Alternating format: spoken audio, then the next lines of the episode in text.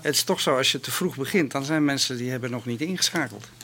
Dus ik snap er niks van waarom we al moeten beginnen. Het is één Nee? minuut voor Is negen. het één minuut voor negen bij jou ook? Ja, Ik dacht dat mijn klok lag, maar die van Wessel loopt niet goed. nou ja. Eén minuut stil. Ja, over één minuut beginnen we, dat jullie het weten. Welkom bij Topnames. Uh, vorige week eh, kon ik lekker kijken vanuit Berlijn. En ook dan, als je hier kijkt, word je onmiddellijk weer gedist door mijn collega eh, Stekel. Hoezo? Die niet snapte waarom ik een vakantie nodig had. Stekel, bedankt. Over twee weken gaat hij en dan weten jullie wat hij dan terugkrijgt. Ehm, Erik Huizers hebben uitgenodigd omdat hij een maand vakantie heeft. Eh, want hij zit eh, tussen twee banen in. Eh, werkt, werkte vorige maand nog bij TNO. Ja, formeel deze maand ook. Ja, en volgende maand bij Surfnet. Ja. Maar je vertelde net al dat van de vakantie net niet alles gekomen is. Ehm, voor wie jou van Twitter kent, daar heet je Milkshake. Waarom? Ja, dat is een eh, hele anekdote. Ik heb in, Nou, de eh, korte versie de graag. korte versie. Ja. Eh, de korte versie. Ik heb in 1991, 1990, 1991 een project geleid in Europa om te zorgen dat telefoonboek, naamadres, woonplaatsgegevens op internet beschikbaar kwamen. Omdat het dan makkelijker werd om e-mails te sturen en dergelijke. En om te laten zien dat je er veel meer in zo'n database kwijt kon, hadden we ook een veldje gemaakt, favorite drink. En mijne was op dat moment eh chocolademilkshake. Dus dat had ik daarin staan. En ik werd dus door mijn projectmedewerkers all, eh, eh, all over Europe telkens aangesproken met milkshake. En dat is blijven hangen. Ben je eigenlijk wel tevreden voor jezelf. Ja, ach, er zijn slechtere namen. Dat zijn slechte Ik heb namen. al een bod van 5000 euro op deze naam gehad. Serieus? Ingeweigerd? Om de Twitter-naam. Ja, want er is een, in Brazilië is er een hele populaire eh, DJ die heet Milkshake. En eh, die heeft DJ Milkshake en die wil die twee letters kwijt. Dus eh, En, en dat heb je geweigerd? ja, natuurlijk 5000 euro voor een Twitter-naam. Voor een Twitternaam? Nou, ik vind het nogal een bedrag. Ja. Daarom iedereen die stekel wil krijgen voor duizend. Ja hoor, 5000 euro en je hebt hem. maar ja, niemand wil het. Ja. Hey Erik, maar je geeft eigenlijk al een beetje aan. Hè? Jij bent eh, een man die er heel vroeg bij was eh, op het internet. Technologie. Ja. Ehm, eh, wij kennen elkaar van de tijd dat je bij het NOB werkte. eh, in Hilversum. Techno, eh, zeg maar de, de, de techniekafdeling van het Mediapark, zou je, zou je kunnen zeggen. Ik, als ik aan jou denk, denk ik aan First Mile. We waren in die tijd bezig om diensten te bedenken. Want breedband internet was toen het ding. Dat ging, ging toen gebeuren. Maar als je eventjes helemaal teruggaat want, van, van die tijd. waar, waar komt jouw betrokkenheid en interesse vandaan voor internet? Oeh, nou, dat komt al uit, eh, dat dateert echt heel eh, vroeg. Ik ben eh, tussen eh, 1983 en 87 gepromoveerd. Je hebt voor mij een foute vraag. Ik ben bang dat ik foute vragen gesteld. maar Ik heb het gevoel, heb je op die site van hem gekeken wat hij allemaal gedaan heeft, dat hij het nu helemaal gaat vertellen. Goed, je bent toen gepromoveerd. Ja, ik moest in mijn Nou, heb- promotie moest ik, maar heb eh, jij die site van hem wel eens gezien? Ja. Moest ik twee hondenhokken aan elkaar, hè, die IBM-PC's eh, aan elkaar knopen. En dat, nou, nou, had ik op een gegeven moment een ethernetkabel, maar dan moest ik, er- was nog geen protocol, moest die dingen met elkaar laten praten. Dus toen ben ik eh, een beetje gaan zoeken. Toen kwam ik op het internetprotocol uit. Dus ik heb in, eh, in ja, orde grootte 1985 heb ik het internetprotocol ge- gewoon geprogrammeerd op PC's, om twee PC's met elkaar te kunnen. En sinds die tijd ben ik gehoekt. ja. Ehm, en als we eventjes hele grote stappen, stappen zetten. eh, want als ik jou volg, bijvoorbeeld op Twitter, dan is een van de dingen waar jij, het is veel meer, gaan we over praten. Maar een van de dingen waar jij eigenlijk altijd mee bezig houdt, is ook eh, protocollen, technieken. Hoe gaan we ervoor zorgen dat dat internet eigenlijk bruikbaar blijft in de tijd? Bijvoorbeeld eh, een heel technisch ding waar we niet heel veel eh, techniek op hoeven los te laten. Maar dat je zei, maar straks hebben we niet meer genoeg internetadressen om mensen aan te kunnen sluiten. Ja, dan ga je wel heel, heel hard, want daarbij aansluitend. Ik, een van de dingetjes die je op je cv staat, dat is hier dat je van 1991 tot 95, dat is een mooi voorbeeld, was je Area Director voor de Applications Area of de Internet Engineering Task Force. And as such member of the Internet Engineering Steering Group. Ja, dat Nou, als een, eh, mij- een sectarisch eh, gezelschap. idee Ja, waar dit over gaat. nou, eh, een van de sterke kanten en de redelijk verborgen kanten van het internet is dat eh, het helemaal gebaseerd is op open protocollen en open samenwerking tussen netwerken. En dat gaat niet vanzelf. Daar, wordt, daar moet heel veel werk voor verzet worden in, in, de, in de krochten van het internet. Dat gebeurt eigenlijk altijd, ik noem dat maar door vrijwilligers. Dat, het is niet dat die mensen niet betaald worden, maar het is ook niet een. een uh, er is niet één organisatie die verantwoordelijk is voor het hele internet. Nou, en. Uh, dat, dat zijn allemaal zeg maar grassroots ontwikkelingen, bottom-up ontwikkelingen, niet top-down gestuurd die maken dat dat allemaal samenwerkt tot op de dag van vandaag. En een daarvan is de IETF, Internet Engineering Task Force, waar de standaarden gezet worden. Dus het IP-protocol, het TCP-protocol, het HTTP-protocol.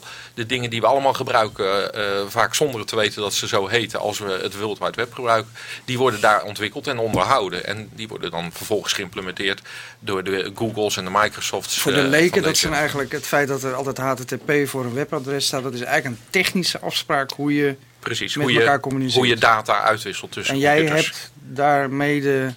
Ja, uh, ja ik, was, ik ben daar uh, in die periode die je noemt, zeg maar 90 tot 95, uh, ben ik daarmee bezig geweest, al heel intensief. Maar toen was ik dus ook verantwoordelijk voor alle applicatiestandaarden op het internet. Voor de kwaliteitsbewaring. Wereldwijd. Dat, wereldwijd, dat ze op tijd afkwamen.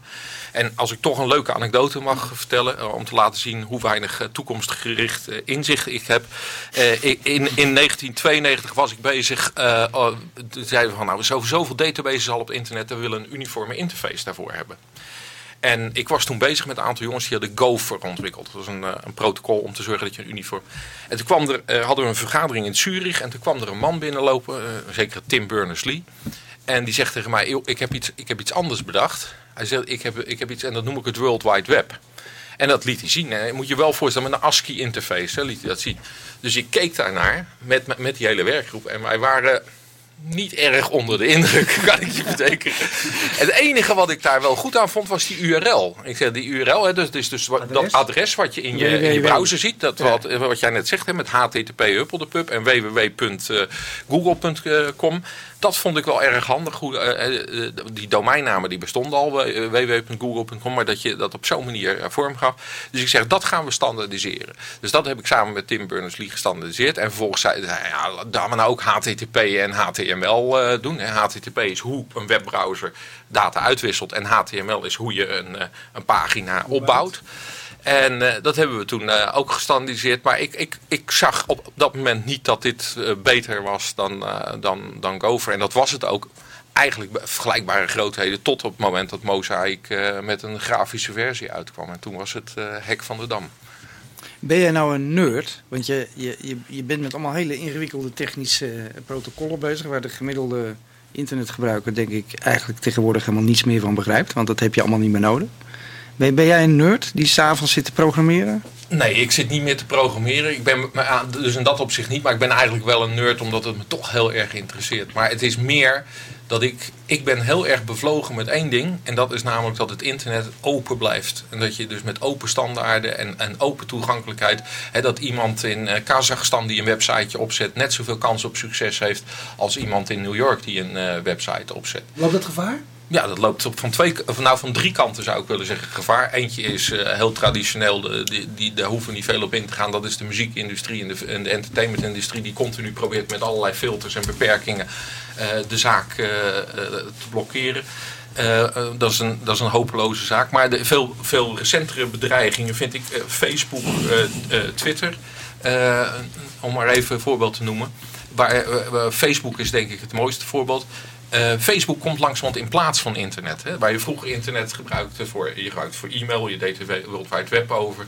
Je, je gooide dus een videootje naar YouTube of, iets, uh, of naar Vimeo of iets dergelijks.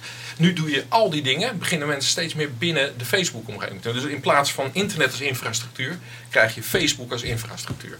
En dat is geen open infrastructuur. Als daar iemand iets briljants verdient, verzint, dan kan Facebook zich dat zo toe-eigenen.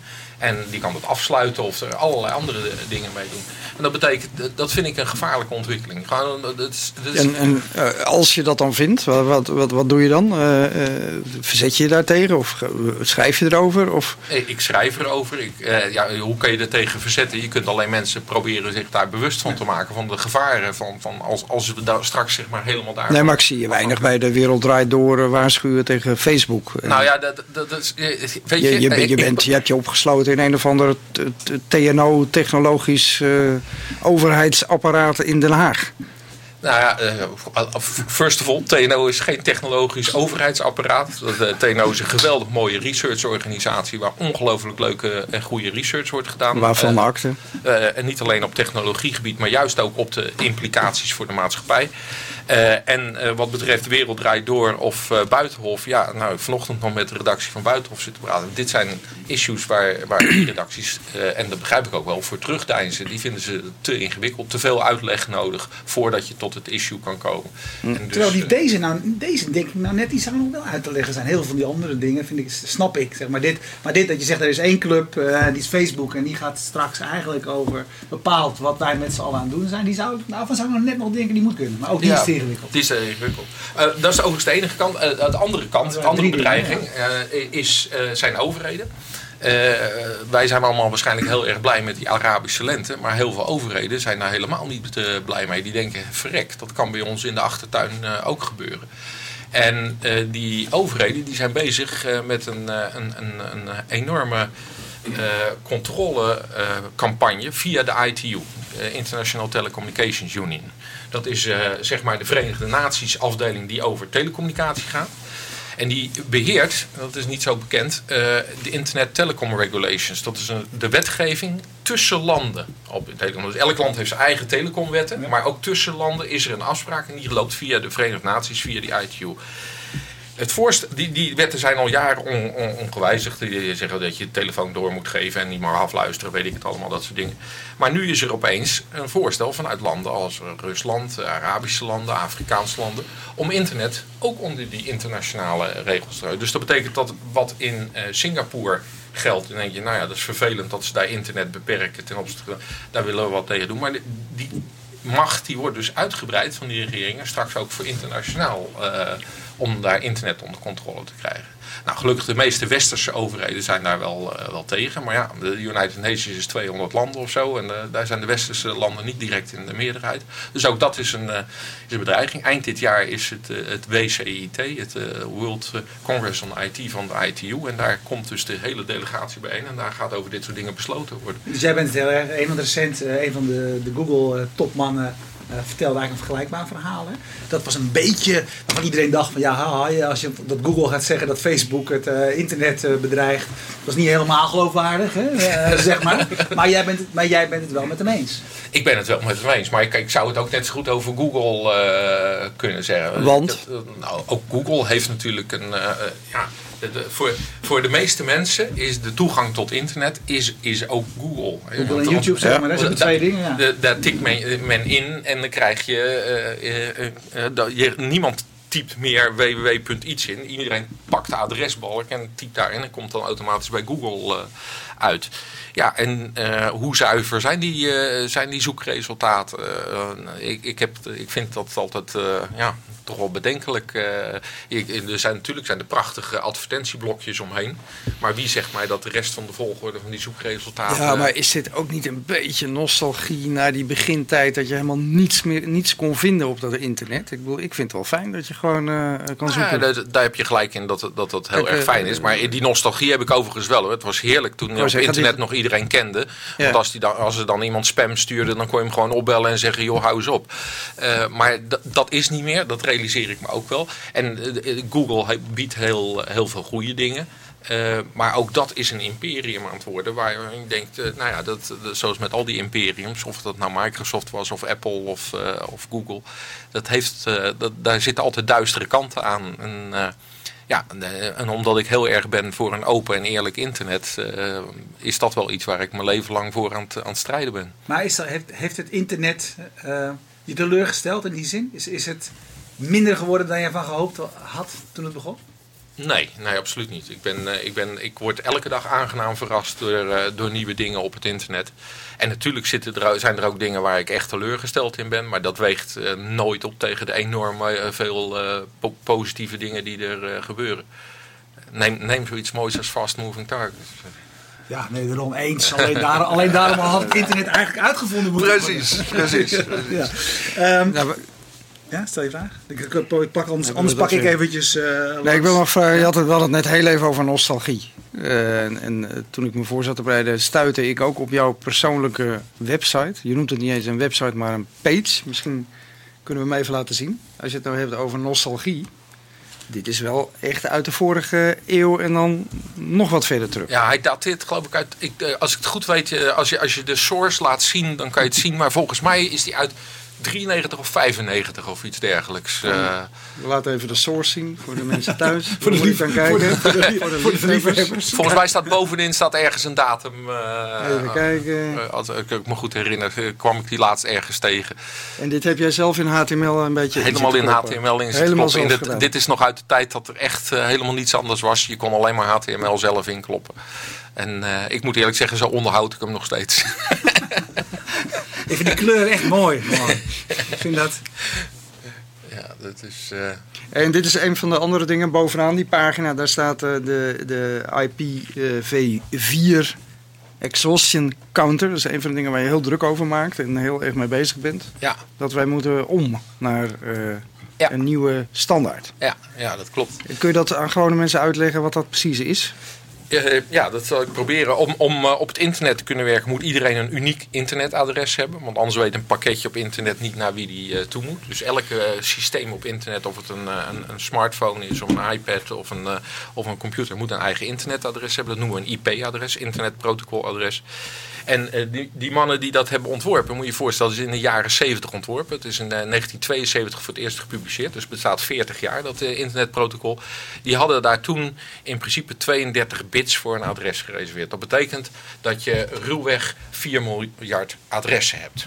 4 miljard adressen lijkt heel veel. Zeker in 1970 toen er nog geen PC's waren, was dat onwaarschijnlijk veel. Ja. maar ze zijn op.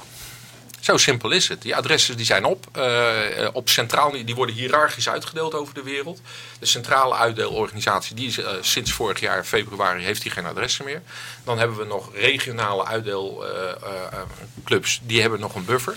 In, in Europa is dat RIPE NCC, zoals dat heet. Die zit in Amsterdam. Die heeft een buffer die volgens de huidige schattingen in augustus dit jaar op is. En dan ben je afhankelijk van je buffer van KPN of je buffer van Vodafone of je buffer van Zigo. En als die buffer uh, leeg is, dat betekent dat elke gebruiker die dan nog wil aansluiten met zijn smartphone, die heeft gewoon puur pech gehad. Maar waarom, hè, want er is, er is een oplossing. Maar waarom is dit, dan ga je nu uitleggen wat die oplossing is en waarom die er niet is. Waarom die niet gebruikt wordt, waarom dat niet ingezet wordt. Ja, nou, er is een oplossing, dat is gewoon een nieuwe versie van het protocol. En daar hebben we gewoon heel veel adressen in gestopt. Uh, zoveel, zeg maar, schier oneindig veel adressen. Dat is uh, de oplossing. Waarom is die, uh, die oplossing, zijn we al heel lang mee bezig. En dan zeggen heel veel mensen, nou dat duurt zo lang, dat kan nooit wat wezen. Maar je probeert hier een stukje infrastructuur te veranderen. Het is, ik bedoel, een website veranderen van de een op de andere dag, dat is geen probleem. de drager, of je glasvezel of koper, dan kan je zo omsteken, dat is ook geen probleem. Maar in het midden komt alles bij elkaar. Alles gebruikt datzelfde internetprotocol. Dus als je dat wil wijzigen, moet je dat eigenlijk wereldwijd doen. Nou, dat is, een, dat is geen uh, sinecure en dat vergt investeringen. Dat levert internet service providers niks op als ze die investeringen doen. Dus die doen dat een beetje tegen heug en meug. En daarom gaat dat niet zo snel. Gelukkig gaat het in Nederland op het ogenblik wel goed. Uh, Zigo, KPN, uh, UPC, uh, alle grote ISP's, Access for All voorop natuurlijk, Surfnet voorop, die, die, die zijn een heel eind hiermee. en ik verwacht dat in de komende twee jaar dat de nieuwe versie ja, is het... IPv6 operationeel wordt. Nou, mijn ding is eigenlijk wat ik geleerd heb in de tijd is, het, het, probleem moet eerst groot genoeg worden en dan wordt het eigenlijk wel weer opgelost. Ja. Want dat hebben we altijd gehad, eerst, het, eerst werd streaming populair, daar was de infrastructuur niet, voor, uh, uh, niet, niet klaar voor. Uh, toen het probleem zo groot werd, werd er een oplossing voor gevonden. Of het was dat, dat, dat zeg maar efficiënter gestreamd kon worden, of dat het op een andere manier verdeeld werd. Is dat een, is dat een te makkelijke denkwijze van mij? Want uiteindelijk zijn er zoveel belangen natuurlijk dat al die mensen met nieuwe telefoontjes, et cetera, gewoon weer een adres en een ding hebben. Dat er toch wel partijen zijn die. Nee, maar ik denk op een gegeven moment wordt die druk die wordt ook steeds voelbaarder. Er wordt, de vraag is nu steeds groter. In Azië zijn de adressen al op. En dat betekent dat je nu, uh, zo bijvoorbeeld op de Filipijnen, zag ik laatst, daar, daar komen nu netwerken online. Die kunnen alleen maar dat nieuwe protocol. De bedoeling was dat je allebei naast elkaar draait zodat je een tijd lang een overgang hebt. Maar die, mensen hebben gewoon geen oude adressen. Dus die hebben alleen de nieuwe adressen. En dat betekent als jij hier een, een, een, website hebt waarop je iets verkoopt. En je wil dat die Filipijnse mensen bij jou ook kunnen kopen. Zou je moeten zorgen dat je ook dat nieuwe protocol onder, ondersteunt. Dus die druk die wordt wel groter. En wat dat betreft gaat het ook wel komen. Maar het uh, frappé toujours is wel nodig. Uh, en, en dat is mijn rol in deze. In eh, de functies die eh, je, je werkende functies, want dit is eigenlijk je vrijwilligerswerk. Hè? Dat is jouw, eh, als je met deze dingen bezighoudt. Hè? Ja. Dat is omdat je het belangrijk vindt en die andere dingen vind je natuurlijk ook belangrijk. Eh NOB, Surfnet, TNO zijn drie van de partijen waar je gewerkt hebt. Ehm, er is, is vast meer. Eh, als je kijkt naar eh, wat is daar de rode draad in, in jouw werk? Eh, de rode draad is Maar, dat... maar mag ik het lijstje nog wat langer maken? Want Ja, is goed. ik vind hem echt, namelijk heel interessant. NOB, Eurofiber, Surfnet, Technicolor, professor aan de universiteiten van Twente en Utrecht, Anbor, Arbor Media, Stichting Breednet, TNO. De rode draad.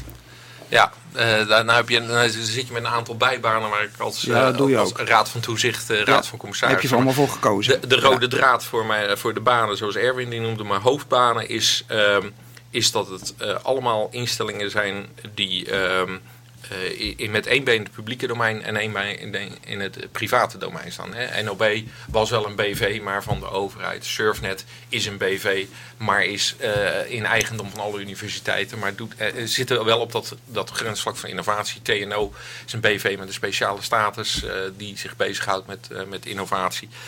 En daar voel ik me senang. En ik heb eh, toen NOB werd overgenomen een jaar lang voor Technicolor mogen eh, werken. En ik kreeg er een prachtige titel Vice President voor Internet en New Media Worldwide. Ja, ja.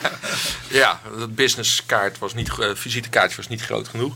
En dan mocht, mocht ik de hele wereld afvliegen en met me als motivatie shareholder value. En ja, dat werkt niet. Dat werkt bij mij niet. Maar Dat kun je is- ze uitleggen wat dan het verschil was eh, met, met de periode daarvoor? Want Technicolor ontstond omdat het, over, het NOB werd overgenomen. Ja. Wat, wat maakt het voor jou dan zo moeilijk om in de privésector, in de private sector te werken? Nou ja, omdat nou, weet je, het was allemaal korte termijn denken. Het moest allemaal eh, iets opleveren in de komende drie maanden. Dat was eh, een multinational beur- beurs genoteerd. Dus daar, daar was alles op gefocust. Terwijl bij NOB was het van hoe kunnen we de klanten, de publieke omroepen, de commerciële omroepen, hoe kunnen we die nou zo goed mogelijk bedienen? Wat moeten we daarvoor doen? En daar kan, daar kan ik warm voor worden. Hoe kunnen we nieuwe dingen ontwikkelen zodat we in Nederland weer een stapje voorlopen? Dat zijn dingen waar ik, waar ik warm voor word. Maar ik, ik, Maar concludeer je dan dat eigenlijk eh, wat jij leuk vindt om te doen, namelijk eh, met enige afstand tot de materie eh, studeren en nadenken over de lange termijn, dat dat niet in de, in de privésector kan? Uh, ik, ik denk dat het in, eh, in de privésector lastiger is. Maar eh, bij grotere bedrijven zal het eh, zal vast wel kunnen. Een KPN denkt ook wel over die, over die langere termijn. En een Rabobank ook wel. Maar eh, ik voel me daarbij wel gewoon, heb ik gemerkt, heel erg prettig op dat grensvlak. En, eh, en Of kun je niet zo goed tegen druk? eh, ehm, ik denk dat ik er erg goed tegen druk kan. Eh, dat, is, eh, dat, is, dat is voor mij geen probleem. Nee, maar presteren, presteren. Ja, nou ja, ik ben bij TNO eh, al eh, jaren resultaatverantwoordelijk. En dat, eh, dat is voor mij geen probleem. En Hm. TNO die haalt van, van zijn totale omzet haalt hij 80% uit de markt. Dus ik heb daar ook een marktverantwoordelijkheid. Alleen de context waarin dat zit, die is voor mij van belang. Dat moet motiverend zijn. En hoe zou je dan die, die TNO-context omschrijven? En waarin verschilt dat dan? Je zegt we halen 80% uit de markt. Eh, maar waarom is dat dan toch anders dan in die markt zelf te werken? Nou, TNO is sowieso een not for, not for profit. Ja. Hè? Dus het is niet de, de, de, omzet die we moeten draaien is om de, om de nul te halen. ja, En, maar goed, eh, je klanten verwachten natuurlijk wel... Je- ja, precies. Je klanten verwachten dat, dat je van TNO iets krijgt wat je niet bij een consultancybedrijf kan krijgen. Of iets dergelijks. Nou, Wat, wat, de klant net een stapje verder helpt. En, eh, en wat een, de klant mogelijk maakt om te innoveren op een manier die hij alleen niet kan. Waar TNO bij, eh, bij kan helpen. En nou ja, dat is ontzettend leuk om te doen. Dan kun je, dan kun je de, eh, hele aardige, leuke dingen. En we doen hele leuke dingen voor grote bedrijven zoals KPN en, en Zigo. En eh, die helpen eh, stap verder. Eh, maar eh, ook voor eh, een heleboel MKB's. Afgelopen jaar heeft eh, TNO in totaal in de orde grootte van 10.000 MKB's eh, bediend. Ja, maar maak het eens concreet. Wat doe je dan voor het, voor het MKB? Nou, eh, een, een, een, eh, een MKB'er die, eh, die, die wil een stap verder. Die, eh, die heeft zelf daar wel ideeën over. Op welk gebied? Nou, op, op- dat kan op allerlei gebieden zijn. TNO werkt op allerlei eh, gebieden. Maar waar ik verantwoordelijk voor ben, dan is het op, eh, op het gebied van, van ICT. Dat, dat je zegt van nou, willen een stap verder. Ik heb wel een idee dat als, als ik sensoren implementeer in mijn, ehm, in mijn tractor, dat ik heel snel een veld moet kunnen bekijken om eh, of daar plantenziekte in eh, zit. Ik noem maar even een zijstraat. En eh, maar ik heb geen flauw idee hoe ik dat aan moet pakken.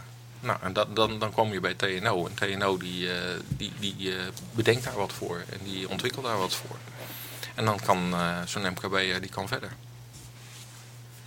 En Surfnet, want als ik aan Surfnet denk, denk ik ja, dat is, dat is zo'n netwerk zo, wat vroeger heel erg belangrijk was. Hè, in de tijd dat er eigenlijk nog geen eh, eh, internet was. Hè, want eh, dat, het netwerk van de universiteit. waarin En nu denk ik, ja, wat doet zo'n Surfnet eigenlijk nog? Ja, En wat is de rol ervan? Surfnet is al, ehm, eh, al 15 jaar het meest innovatieve netwerk van de wereld. Daar komen mensen uit Amerika, zelfs recent nog mensen uit Amerika, senatoren komen hier naartoe om te kijken wat hier allemaal gedaan wordt. Cisco heeft eh, niet voor niks een Europese hoofdvestiging in, eh, in Nederland neergezet. Omdat ze weten dat de eerste plaats waar je nieuwe apparatuur kan uittesten, dat is, eh, dat, dat is bij Surfnet. Ehm, eh, en dat was in de tijd dat alles nog koper was, maar ook nu in de tijd dat alles glasvezel is, loopt Surfnet heel veel voor, zowel qua infrastructuur als qua diensten. En dat is een van de rollen. Surfnet heeft dus eigenlijk een dubbele rol. Het is een service provider, gewoon voor de universiteiten, hogescholen, researchinstellingen. Maar tegelijkertijd, en omdat het ook onderwerp van onderzoek zelf is, is het ook eh, de rol om te zorgen dat je altijd voorop blijft lopen en de nieuwste, nieuwste dingen toepast, nieuwste dingen uit, eh, uitprobeert.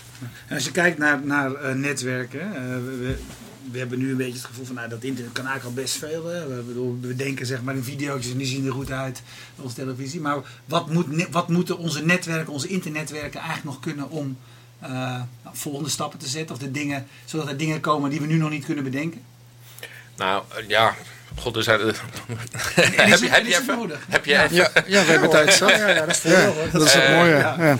Nou, er, er, moet, er moet heel veel eh, gebeuren. Ehm eh, een, een van de dingen die, die, waar, waar ik op blijf hameren, die ik heel belangrijk vind, is eh, dat eh, netwerken robuuster moeten worden. Tot nu toe eh, eh, is het allemaal een, een beetje slappe hap. En als een ADSL-verbinding eruit ligt, dan is iemand echt onthand. En we zijn zo afhankelijk geworden van het internet voor ons dagelijks leven, dat we moeten naar oplossingen toe dat die hele infrastructuur robuust is. En dat, zowel de IT als de ICT, dus zowel de computers als, als de communicatie, moet robuuster. Je noemt Dat- het slappe hap. Ja. Waar zitten die, die kwetsbare punten dan? Nou ja, het is, het is allemaal erop gebaseerd van het moet dus goedkoop voor die consument. Dus het is allemaal, het is één, eh, één kabeltje en eh, het is één routertje. En weet je, het is allemaal en- enkel uitgevoerd. En daardoor blijft het betaalbaar en goed, goedkoop. En dat was eh, zeker in de, in de begintijd was dat, eh, was dat eh, ook, ook wel verantwoord. Maar nu ben je er zo van afhankelijk. En als je dan toch nieuwe investeringen moet doen in infrastructuur, dan moet je dus gelijk meenemen van hoe maak ik dat robuuster. En robuuster betekent dat, die, dat het beschikbaar is. Maar dat betekent ook dat het veiliger is. dat je erop kunt vertrouwen. En ik vind dat met name dat vertrouwen, dat moet, dat moet groter. We moeten echt, echt kunnen vertrouwen op het, op het internet. En daar, daar moeten we nog heel veel dingen voor ontwikkelen. Om dat eh, op een goedkope manier, want het, mag, het moet natuurlijk ook nog niet extreem duur worden. Op, op een goedkope manier wel eh, een, een betrouwbaar en vertrouwd eh, netwerk te maken. En zijn dat dan echt vernieuwende technologieoplossingen waar je op doelt? Hè? Je het over ja, betrouwbaarheid, ook, ja. of heb je het puur over investeringen, dat dingen gewoon redundant gemaakt worden? Nou en- dat- is te je- duur. Dat is te duur. En dat zou de simpele oplossing zijn. Gooi er geld tegenaan en, en, en doe alles dubbel. Eh, maar eh, je kan ook denken aan hele vernieuwende oplossingen eh, technologisch. We zijn nu bijvoorbeeld bezig met, met, met Google en een aantal andere partijen om een totaal nieuwe manier van verkeer regelen over internet. Open flow heet dat. Om op die manier te kijken. Maar op een hele andere manier dan het traditioneel pakketje zoekt zijn eigen weg naar de andere kant.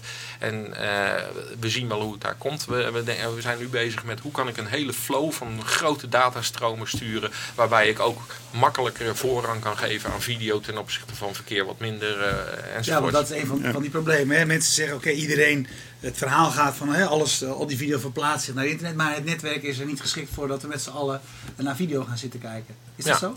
Nou ja, ja, dat ligt eraan waar je in de wereld, eh, waar je in de wereld woont. Ik bedoel, eh, er zijn voldoende plaatsen in, eh, in West-Europa en Amerika waar je prima naar video kan kijken. Maar ook als we dat met z'n allen gaan doen? Ook als we dat met z'n allen gaan doen. Ja, in Nederland daar- niet. Nou, in, in Nederland is dat, ook daar zeg ik, dat ligt er een beetje aan waar je woont. Eh, als je een beetje mazzel hebt en je hebt een eh, goede, eh, dikke pijp en dat heeft iedereen bij jou in de buurt. Je provider heeft gezorgd dat hij eh, inderdaad eh, geïnvesteerd heeft in... Ja, eh, maar in- dan zeg je het al, hè? Je Ja, moet nee, mazzel precies. hebben Ja, als... Nee, ik, niet- daarom, het is, het is geen een- garantie. Moet je niet in een flat in Zaandam wonen Nee, waar, nee. met één verdeelkast en waar iedereen tegelijk zit te uploaden en te downloaden en te ja, zitten dan, streamen. dan ben je zuur. Dat is, dat is, Is dat ook wat je bedoelt met dat het betrouwbaarder ja, moet worden? ja, dat is een van de, van de zaken die, die, die daarbij speelt, ja. En, nou, en, en eh, dat, dat, ja, dat vind ik dus geweldig om. eh, nou, maar eh, een ander ding om een wat hoger niveau is wat, wat we in technische termen single sign-on noemen. Hè, dus met één identiteit je eh, bekendmaken op het internet en daarmee gelijk overal op kunnen. Dat je niet al die gele briefjes om je scherm hebt zitten van wat is mijn wachtwoord daarvoor, daarvoor, daarvoor. Of je hele eh, chain in, eh, in, in, in je Mac vol hebt zitten. Dat werkt prima totdat je Mac crasht en dan ben je je hele eh, keychain ben je kwijt en dan ben je al je passwords kwijt. Een single sign-on die niet uit een password eh, bestaat, want password is veel te onveilig, maar waar je, waar je iets met chipkaarts of een andere methode die wat eh, die, die veiliger, robuuster is, maar waar je wel in één keer kunt aanmelden voor een heleboel eh, diensten. Nou, dat, eh, dat, vind ik een, een leuke ontwikkeling. eh, om, en, da- en daar, nou ja, daar- binnen Surfnet zijn we daar eh, ook heel ver mee om dat eh, te doen. Dan kun je al allerlei dingen tussen universiteiten eh, kun je doen met die ene, eh, ene identiteit. Eh, wat zelfs zo ver gaat dat als je naar een, eh, een, een universiteit in Amerika gaat en ik eh, klap mijn laptopje daar open en ik wil daar op het wifi, dan kan ik gewoon met mijn identiteit van eh, de Universiteit Utrecht kan ik op het wifi. Ja, ik heb ook single sign-on. Overal gewoon met Facebook inloggen. Huppakee, klaar. Ja, precies. Werkt overal. Ja, en dan komen we weer op eh, nou, nou, een cirkeltje rond. Dan zijn we weer terug bij mijn... Ja, en toch, en toch eh, eh, twee minuten geleden, toen je het had over projecten die je doet, Openflow, hè, de Ja. andere verkeer van het internet, noemde jij Google als partij die daar zeer nauw bij betrokken is. Ja, ja. Eh, Google eh, klopt zich altijd op de borst dat zij van het open internet zijn, maar jij was net heel kritisch ten aanzien van Google. Ja. Welke rol speelt, hoe stelt Google zich op in dit soort discussies? Nou, de, de, de, de, meeste mensen eh, die ik ken van Google, die stellen zich uitermate coöperatief en goed op in dit soort discussies. Dat geldt trouwens ook Leveren voor... ze een bijdrage, Ja, financieel? eh, Google levert een enorme bijdrage aan de ontwikkeling van open internet. Dat geldt overigens en ook toch voor... ben jij kritisch. voor Microsoft. Het geldt eh, ook voor Cisco. Dat geldt voor een aantal van die grote partijen. Facebook kom ik zelden tot nooit tegen, maar dat. Eh Hij zegt een Facebook.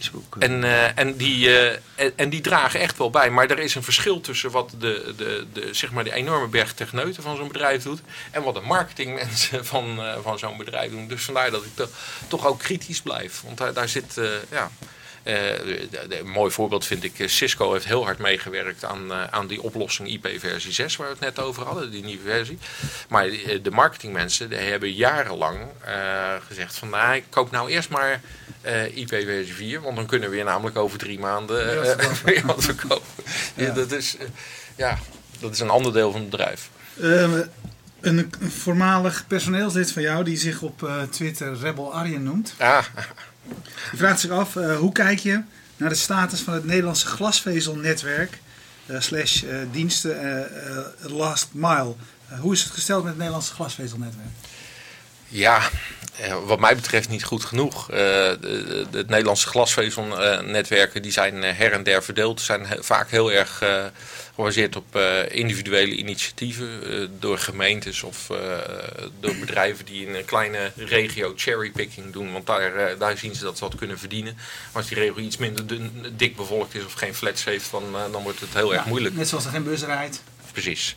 Dus, eh, en ik, ja, eh, eh, er zijn studies van het In- Instituut voor Informatierecht in, in Amsterdam, die aantonen dat er geen enkele infrastructuur in Europa ooit naar huis is aangelegd die niet door eh, eh, overheden is aangelegd. En ik denk dat dat, eh, als je dus echt glasvezel overal zou willen hebben, en ik denk dat dat uiteindelijk maatschappelijk rendabel is, let wel maatschappelijk, niet, niet business, maar maatschappelijk rendabel, dan zou je dat eigenlijk als overheid moeten doen. Ik begrijp dat dat in, in het huidige Nederland, sterker nog, dat is in Nederland eh, zelden eh, opportun geweest. Eh, daarvoor zijn wij te veel gericht op privatisering en, en dingen aan de markt overlaten. Maar dat betekent wel dat je die versnippering krijgt. Maar juist ook in een, in een, in een techniek die nog zo, die, zeg maar, zo in ontwikkeling is en dat ook blijft. Eh, het is niet zo dat we weten hoe nu een weg in elkaar zit en dat de overheid kan zeggen we gaan. De, dus, dus de mensen die er tegen waren, heb- hebben niet alleen gezegd je moet er tegen zijn omdat, je de vrije, omdat de vrije markt er is. Maar tegelijkertijd is het ook een hele dure investering. Want eh, de glasvezel van nu is dat de glasvezel van over tien jaar. Ja, nee, de glasvezel, de, de eindcomponenten, daar ben ik mee eens. Maar die, dat is niet zo'n probleem om die te vervangen. Die glasvezel zelf, dat is een vastgoedinvestering. Die, die gaat 30 jaar mee. Bovendien gaat het eigenlijk, die kosten zitten ook niet in die glasvezel. Die kosten zitten in die pijp die je naar dat huis moet Ja, leggen. En, en die pijp, als die er eenmaal ligt, dan leg je hem wel zo slim aan dat je er ook met een, eh, een blazer een nieuwe glasvezel doorheen kan doen. Ja. Maar zo'n glasvezel die ligt er voor 30 jaar. Dat, dat, dat, die investering, dat, zou het Dus probleem even vergelijken zijn. met wegen.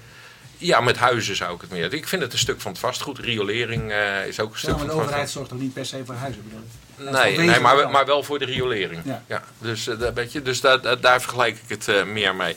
Maar het, het punt is natuurlijk, als- een bedrijf, die, voor een bedrijf is een enorme investering. Als KPN dat wil doen, dat, dat kost in de orde grootte van 1000 euro per huishouden om dat aan te gaan leggen.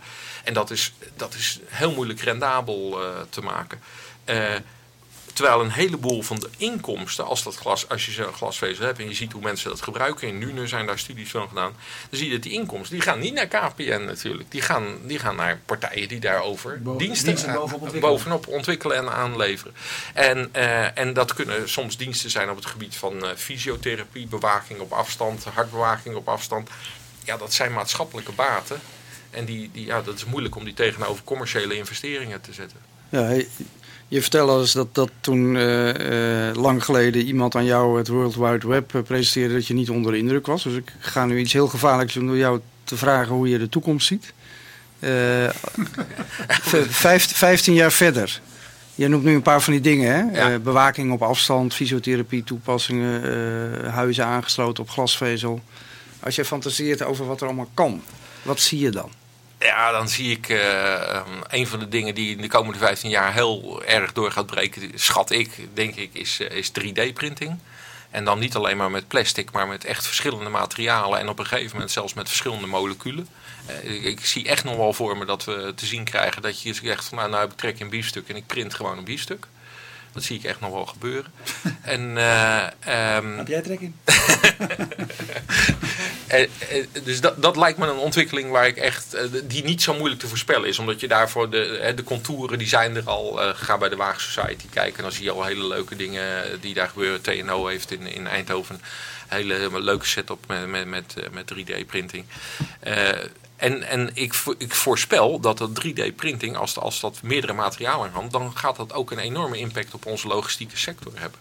Want voorraden hoef je niet meer te houden. Je voorraad bestaat uit een file, een 3D-file ergens op een computer. Maar ook het transporteren is niet meer nodig. Want als ik eh, iets bestel wat in een normaal eh, helemaal uit New York moet komen, nu sturen ze alleen die file naar de dichtstbijzijnde printer in Utrecht. En ik, eh, ik rijd daar naartoe of eh, ik laat het daar vandaan bezorgen. Dus dus eh, dat, dat betekent ook, je moet eh, het, het beam me up Scotty is nog wel een, een, een stap verder. Maar dit is een eerste stap in die richting. Dat je eigenlijk eh, eh, eh, echt fysieke goederen eh, zeg Digitaal maar, kunt verspreiden. digitaal kunt verspreiden. En dat, eh, dat is denk ik eh, echt wel. Het, nou ja, je hebt eh, gezien bij het boek wat voor impact dat heeft gehad, bij muziek wat voor impact dat Ja. heeft gehad. Dus Hey, dat en, geloof jij in die theorieën van de exponentiële groei, Singularity University, waarbij weet je wel, de projecties zijn, nou ja, die zijn, die zijn exponentieel. En je hoeft niet heel goed te kunnen rekenen om te snappen hoe hard het al dus gaat. ja, kijk je dan ook naar dingen als de nanotechnologie en de biotechnologie? ja, en, absoluut. ik, neem je dat serieus? Dat neem ik absoluut serieus, ja. Ja. Nee, en ik denk, ik denk, sterker nog, ik denk zelfs dat wij daar, willen wij als mensenras overleven, dat we daar van dat soort technologieën afhankelijk zijn. Maar we hebben, we hebben een enorm aantal maatschappelijke problemen. Eh, en, en niet het geringste daarvan is schaarste bijvoorbeeld. Eh, schaarste aan, aan energie, schaarste aan grondstoffen en dergelijke. En, dat en daar zijn, eh, zijn oplossingen als, als eh, biotechnologie, nanotechnologie, gaan daar de oplossingen voor brengen. Daar. En, en daar zal ook het internet weer een hele belangrijke rol in spelen. Van hoe verdelen we dat, hoe, hoe sturen we dat aan. En, eh, en, en, Maar is het, is, is het, het, als er geen schaarste is, niet een even groot gevaar? Oh, dat is wel een erg filosofische vraag. eh, Ja, die heb ik niet zo vaak. Zo vragen. Maar, Nou ja, jij bent de professor. Dus, eh, ja, ja, ja. Nee, professor dokter ingenieur, hè? is, eh, ja, ja. Milkshake ook wel Nee, ik bedoel, als, de, als, bedoel, de internetprofessor is, toch, Ja, is ook je bijnaam, toch? ja, Nou, houd maar bij milkshake. Ehm, milkshake, de internetprofessor, ja. Nou, maar de- de- als er geen schaarste is, ja, heb je ook een probleem, denk ik. Dat is wel waar. Maar dat is een, dat is een probleem van een andere orde. Eh, je, je, je zei van als we willen overleven als, eh, als, als mensheid hebben we dit soort technieken over. Dus eigenlijk zeg je, we overleven niet als deze technieken niet komen. Ehm, nou, in ieder geval niet in dezelfde grote getalen waar wij nu op, eh, op aarde zijn. Hè? Met, eh, met over een paar jaar eh worden grote 9 miljard mensen. Dat, dat, dat, is, dat, daar moet je echt heel veel technologie in gaan zetten. En, om, en, en, nieuwe, en niet alleen technologie, hè? het is maar wat je technologie noemt. Daar moeten we ook ja, gewoon nieuwe dingen ontwikkelen, nieuwe gebruiken ontwikkelen, nieuwe cultuur ontwikkelen. Om dat allemaal... Ja, jij, jij vindt die openheid van het internet ongelooflijk belangrijk. Daar strijd je voor. Privacy. Ja, Eh, heel erg belangrijk. ehm, hoe garandeer je dat nog in dit soort tijden? Want het gaat natuurlijk wel heel hard, hè? Ja, Het- ja, dat is, ja privacy... en het open internet heeft natuurlijk ook wel toegeleid dat alles overal beschikbaar is. Ja, dat is, dat is, eh, ja, dat, dat is absoluut waar. En daar, daar kleven ook, eh, ook veel negatieve dingen aan.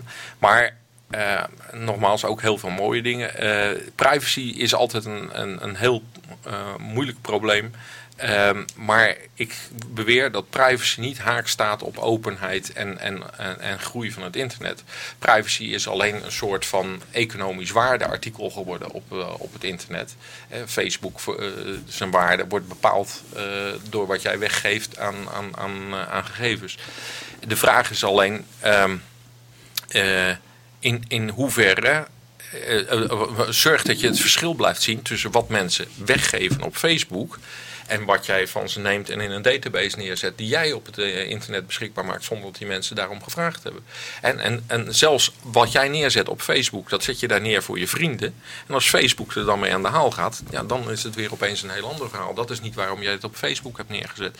Nou, en ik denk dat daar, eh, er zijn heel veel technologieën ook om goed om te gaan met privacy, om databases zo op te slaan dat mochten ze eens gehackt worden, dat ook de privacy daarin nog wel gegarandeerd is.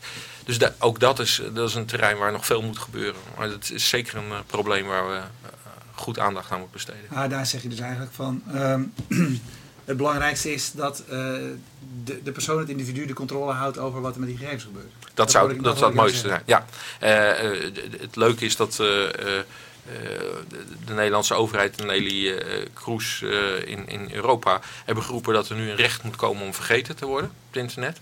Nou, dat, is, dat is geweldig. Dat is, vind ik echt heel goed als uitspraak. Maar hoe ga je dat Ik implementeren? dat is toch niet te implementeren? Ik, ik, heb, ik heb net eh, eh, de eer gehad om, eh, om, om, om, om het initiatief te mogen nemen. Een, een geslaagd initiatief om een Privacy Identity Lab eh, te openen. Tussen de Universiteit Tilburg, juristen, eh, Katholieke Uni- eh, Universiteit, Radboud Universiteit in Nijmegen.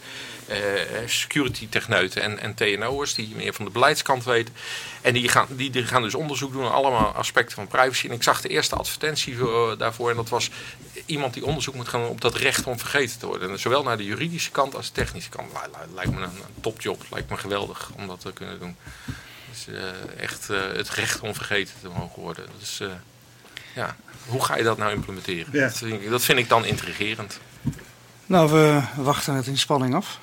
Ja, want we kunnen natuurlijk eh, nog heel lang met je doorpraten. Gaan we ongetwijfeld weer een andere keer doen. Maar we wilden deze uitzending toch minstens afsluiten met een nummer van de band waarin jij speelde, Frits en de Theezakken. We hebben lang gezocht. Nee, ik heb helaas, we hebben helaas niet kunnen zoeken, maar ik kwam ook nog tegen dat hij in de band Frits en de Theezakken speelde. Ja, ik zou het knap vinden als je daar Dus online een nummer van uh, Nee, hè? kunnen Niet op. Spotify. nee, er zit, zit niet op Spotify. Wat voor muziek maakten jullie? Eh, voornamelijk covers en wel een aantal eigen nummers, maar eh, zeg maar de, de- een beetje rock. En wat Eh, speelde jij? Ik speelde de zang. Oké. Dus, eh, dat is, eh, Maak je nog muziek? nee, ik maak, eh, ik maak geen eh, muziek meer. Eh, maar ik luister heel erg veel naar muziek. Oké. Goed, hey, eh, Erik, dankjewel. Uh, ik dank je ook. Ehm 5000 euro. Hij kan gewoon vanavond 5000 euro verdienen door gewoon te zeggen: ik heet voortaan geen milkshake meer. Ja, nee. nog een paar nullen erbij, dan... De DJ Milkshake weet genoeg. Oké, dankjewel. Ehm, aan deze uitzending werkte mee Dion Visser, Wilco Sneldewaard, Peter Hazenberg, Esther Gons, Marco Raaphorst, Thierry Remortel, Wessel de Valk, Erwin Blom en Roland Stekelenburg. Wij gaan hier straks weer verder voor als je nu eh, live kijkt. En anders weet je dat alles op uh, www.fastmovingtargets.nl of op YouTube terug te kijken is. Tot zo. Dag.